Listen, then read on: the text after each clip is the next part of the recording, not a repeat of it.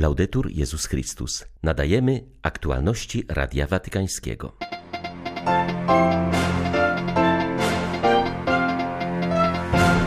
Małżeństwa są dziś wystawione na ciężką próbę. Trzeba je chronić przed rozbiciem, mówi papież w najnowszym filmie z okazji roku rodziny Amoris Leticia. W Timorze Wschodnim zainaugurowano działalność pierwszego katolickiego uniwersytetu. Nosi on imię Jana Pawła II. Afryka jest poddana radykalnej islamizacji. Kluczową rolę odgrywają w tym fundusze z krajów Zatoki Perskiej, ostrzega argentyński biskup misyjny. 14 grudnia witają Państwa ksiądz Krzysztof Ołtakowski i Krzysztof Brąk. Zapraszamy na serwis informacyjny. Kościół w żadnym wypadku nie może zrezygnować z głoszenia pełnego ideału małżeństwa. Duszpasterstwo musi wspierać małżeństwo i chronić je przed rozpadem, mówi papież w kolejnym filmie z okazji roku rodziny Amoris Leticia. Tym razem Franciszek odnosi się do świadectwa rodziny pochodzącej z Demokratycznej Republiki Konga. Członkowie kongijskiej rodziny Likesia mówią o małżeństwach, które przeżywają kryzys i dlatego tym bardziej potrzebują opieki duchowej, bliskości ze strony Kościoła, aby ponownie odzyskały zaufanie. Należy im przypominać, że kryzysy w małżeństwie nie trwają wiecznie i nie muszą prowadzić do rozbicia rodziny. Dlatego trzeba pomóc małżonkom w nawiązaniu dialogu, przebaczeniu sobie nawzajem i ponownym odkryciu radości, którą daje miłość, mówi pani Likesia Nawiązując do tych słów, papież przyznaje, że dziś kruchość rodzin jest wystawiona na ciężką próbę. Kościół ma za zadanie dotrzeć do tych, którzy chcą pozostać blisko Boga, pomóc im przekształcić porażki i cierpienia w okazję do podążania ku pełni Ewangelii. Uważne duszpasterstwo rodzin wie, jak przyjmować, towarzyszyć, rozeznawać i integrować we wspólnocie kościelnej nie za pomocą prostych i banalnych recept, ale dzięki spojrzeniu, które naprawdę potrafi rozeznawać i rozróżniać sytuacje. W żadnym wypadku Kościół nie może zrezygnować z proponowania pełnego ideału małżeństwa. Dzisiaj zamiast duszpasterstwa niepowodzeń potrzebujemy duszpasterstwa umacniającego małżeństwa i zapobiegającego ich rozpadowi. Jest wiele możliwych małych kroków, które ludzie mogą zrobić, a małe kroki są zawsze miłe Bogu. W każdej sytuacji ważne jest, aby używać balsamu miłosierdzia, aby koić rany i sprawić, by ludzie czuli się przyjęci przy jednoczesnym poszanowaniu prawdy. Trzeba uczyć przebaczenia, zrozumienia i nadziei. Papież modli się za poszkodowanych w wyniku wybuchu gazu w sycylijskiej miejscowości Ravanusa. Dowiadujemy się o tym z watykańskiego telegramu. Franciszek zapewnia o swym współczuciu dla krewnych ofiar oraz wszystkich poszkodowanych. Apeluje też o włączenie się w nadzwyczajną zbiórkę pieniędzy dla ofiar wypadku. Do eksplozji gazu doszło w sobotę wieczorem. Zawaliły się cztery domy, a trzy zostały poważnie uszkodzone. Zginęło siedem osób, a dwie pozostają zaginione. Służby ratunkowe nadal przeszukują gruzy i zgliszcza. Kościół musi się uwolnić od nadużyć, aby mógł wypełniać swoją misję. Papież popiera nasze działania, chce, aby Kościół wyzbył się wszelkiej dwuznaczności w podejściu do tych skandali, powiedział przewodniczący episkopatu Francji, opowiadając dziennikarzom o audiencji, na której papież przyjął przedstawicieli francuskich biskupów. Głównym tematem rozmów był ogłoszony dwa miesiące temu raport niezależnej komisji na temat wykorzystywania nieletnich w środowisku kościelnym w ostatnich tygodniach dokument ten spotkał się z ostrą krytyką Katolickiej Akademii Francji. Akademicy zarzucają komisji poważne błędy metodologiczne, brak rygoru naukowego, stronniczość i uprzedzenie względem Kościoła. Swoje zastrzeżenia wysłali do Watykanu. Arcybiskup de Moulin-Beaufort przyznał, że podczas audiencji rozmawiano o metodologii zastosowanej przez niezależną komisję.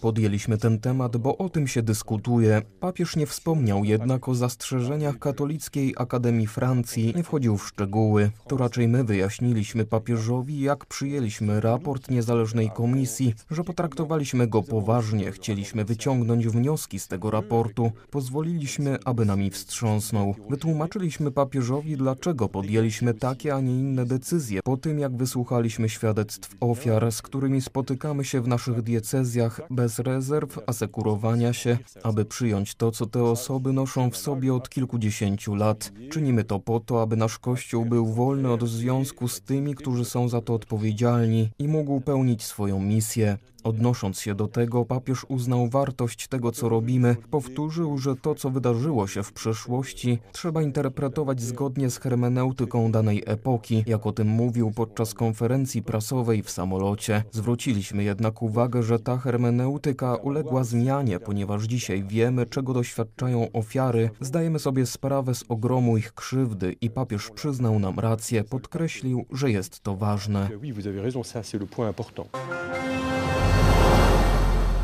W ostatnich latach dochodzi do coraz większej islamizacji tureckiej części Cypru. Praktycznie w każdej wiosce powstają małe lub większe meczety. Jest to świadoma polityka tureckich władz, które przy pomocy saudyjskich pieniędzy dążą do wymazania chrześcijańskich korzeni tych terenów, podkreśla turecka dziennikarka Uzay Bulut, która nagłaśnia te działania. Przypomina ona, że początkiem tureckiego dżihadu na Cyprze była interwencja wojskowa w 1974 roku, która doprowadziła do utworzenia samozwańczej Tureckiej Republiki Północnego Cypru. W czasie papieskiej pielgrzymki na Cypr medialne relacje skupiały się głównie na problemie migrantów. Do opinii publicznej nie przebił się zupełnie apel zwierzchnika cypryjskiego kościoła prawosławnego, który poprosił Franciszka, by pomógł odzyskać cypryjskim chrześcijanom dobra zagarnięte przez Turków. Arcybiskup Chryzostom przypomniał, że turecka interwencja wojskowa była o wiele krwawsza niż okrutne działania krwiożerczego Konsekwencją tego jest trwająca po dziś okupacja i kolonizacja ziem północnych przez Turków, zniszczone kościoły i klasztory. Międzynarodowy raport zatytułowany Utracona cywilizacja mówi, że na okupowanych terenach kościoły chrześcijańskie stały się celem agresywnej i systematycznej profanacji. Ponad pół tysiąca świątyń i klasztorów zostało ograbionych i zniszczonych. Bezpowrotnie zniknęło 15 tysięcy bezcennych prawosławnych ikon.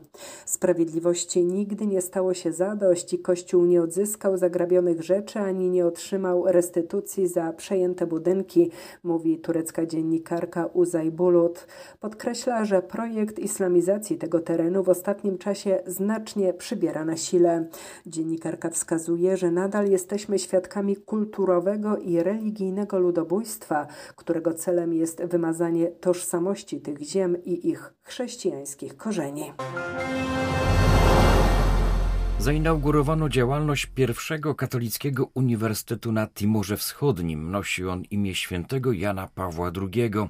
Timorczycy do dziś pamiętają historyczną wizytę papieża Polaka z 1989 roku, która zainspirowała walkę o niepodległość kraju. W uroczystość niepokalanego poczęcia premier Timoru Wschodniego i arcybiskup Dili wzięli udział w ceremonii inauguracji uniwersytetu w stolicy kraju. Szef rządu zwrócił uwagę, że uczelnia została poświęcona papieżowi Wojtyle, z którym kraj łączy wielka więź miłości i oddania. Jan Paweł II odwiedził Timor Wschodni, kiedy był on jeszcze pod panowaniem Indonezji i walczył o niepodległość, którą uzyskał dopiero w 2002 roku. Arcybiskup Dili przyznał, że powołanie uniwersytetu było od dawna w planach kościoła i podkreślił, że powinien on zapewnić edukację wysokiej jakości we wszystkich dziedzinach ludzkiej aktywności oraz być inspirowany przez katolickie tradycje intelektualne, moralne i duchowe. Zapewnił, że uczelnia będzie otwarta dla studentów wszystkich wyznań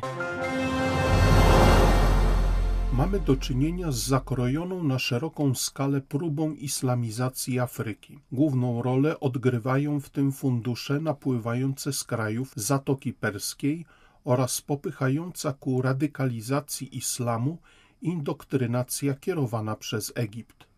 Przykładem tych działań jest Mozambik, gdzie w ciągu ostatnich pięciu lat setki tysięcy chrześcijan musiało opuścić swe domy w wyniku działań radykalnych islamistów. Chrześcijanie często słyszą od muzułmanów: Zapomnijcie, że to jest wasza ziemia, mówi arcybiskup Claudio Dalla Argentyński misjonarz jest od 2012 roku arcybiskupem Beiry i jednym z najbardziej wiarygodnych głosów kościoła w Mozambiku.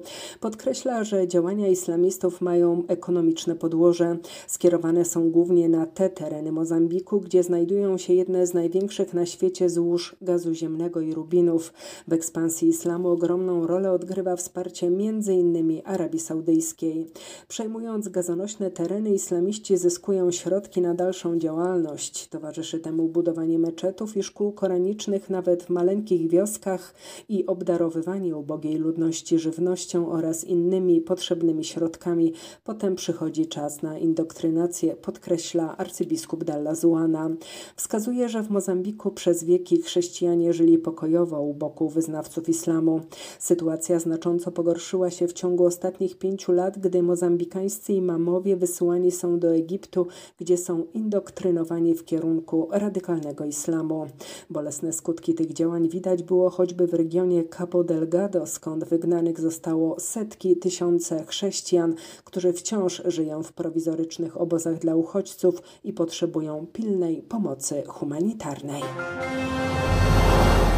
Argentyńczycy słyszą o Franciszku więcej opinii i zastrzeżeń niż tego, co on sam naucza, stwierdził przewodniczący argentyńskiego episkopatu biskup Oscar Ojea, komentując wyniki badań przeprowadzonych przez Krajową Radę Badań Naukowych i Technicznych Wynika z nich, że 40% Argentyńczyków jest obojętnych wobec papieża. Według badań 9 na 10 Argentyńczyków twierdzi, że ich religijność nie wzrosła po wyborze pierwszego w historii papieża z kontynentu południowoamerykańskiego. 27% uważa, że jest on zbyt zaangażowany w politykę, a zaniedbuje sprawy duchowe. Na temat przeprowadzonego sondażu debatowali argentyńscy biskupi. Biskup Aleksandr Ochea uważa, że dwa z sześciu wyzwań, jakie stoją przed lokalnym Kościołem w najbliższych latach dotyczą papieża Franciszka i jego nauczania. Chodzi o wyzwanie misyjne postawione przez encyklikę Ewangelii Gaudium oraz synod o synodalności. Komentując sytuację społeczną w kontekście stosunku Argentyńczyków do swojego rodaka na stolicy Piotrowej, przewodniczący episkopatu powiedział, że dostrzegalne są w niej z jednej strony sektory zsekularyzowanej mentalności, które nie wahają się używać dezinformacji, oszczerstw i zniesławień, aby atakować Kościół, dążąc do wyrugowania go z przestrzeni publicznej, zaś z drugiej strony istnieje fundamentalizm religijny, który nie szanuje wolności innych i podsyca formy nietolerancji i przemocy, tęskniąc za kościołem, który narzuca władzę. Jak ocenia biskup Ochea, te właśnie grupy stały się główną przeszkodą, by słowa Franciszka w swojej ojczyźnie były czytane bezpośrednio i docierały do wiernych. Kościoły europejskie wzywają do odpowiedzialności i troski o innych w obliczu pandemii COVID-19 oraz zachęcają do szczepień i przestrzegania norm sanitarnych. Wspólny apel w tej sprawie wystosowali przewodniczący Komisji Konferencji Episkopatów Unii Europejskiej oraz przewodniczący Konferencji Kościołów Europejskich. W dokumencie czytamy, że według ostatnich sprawozdań w Europie nadal rośnie liczba zakażeń wirusem COVID-19, podczas gdy lekarze i ratownicy medyczni są wyczerpani, a szpitalom grozi zapaść. Liderzy wspólnot kościelnych są zgodni, że szczepienia zapewniają ochronę nie tylko nam samym, ale także naszym braciom i siostrom, zwłaszcza najsłabszym spośród nas. Jest to akt miłości i troski, a także odpowiedzialności i Sprawiedliwości Społecznej.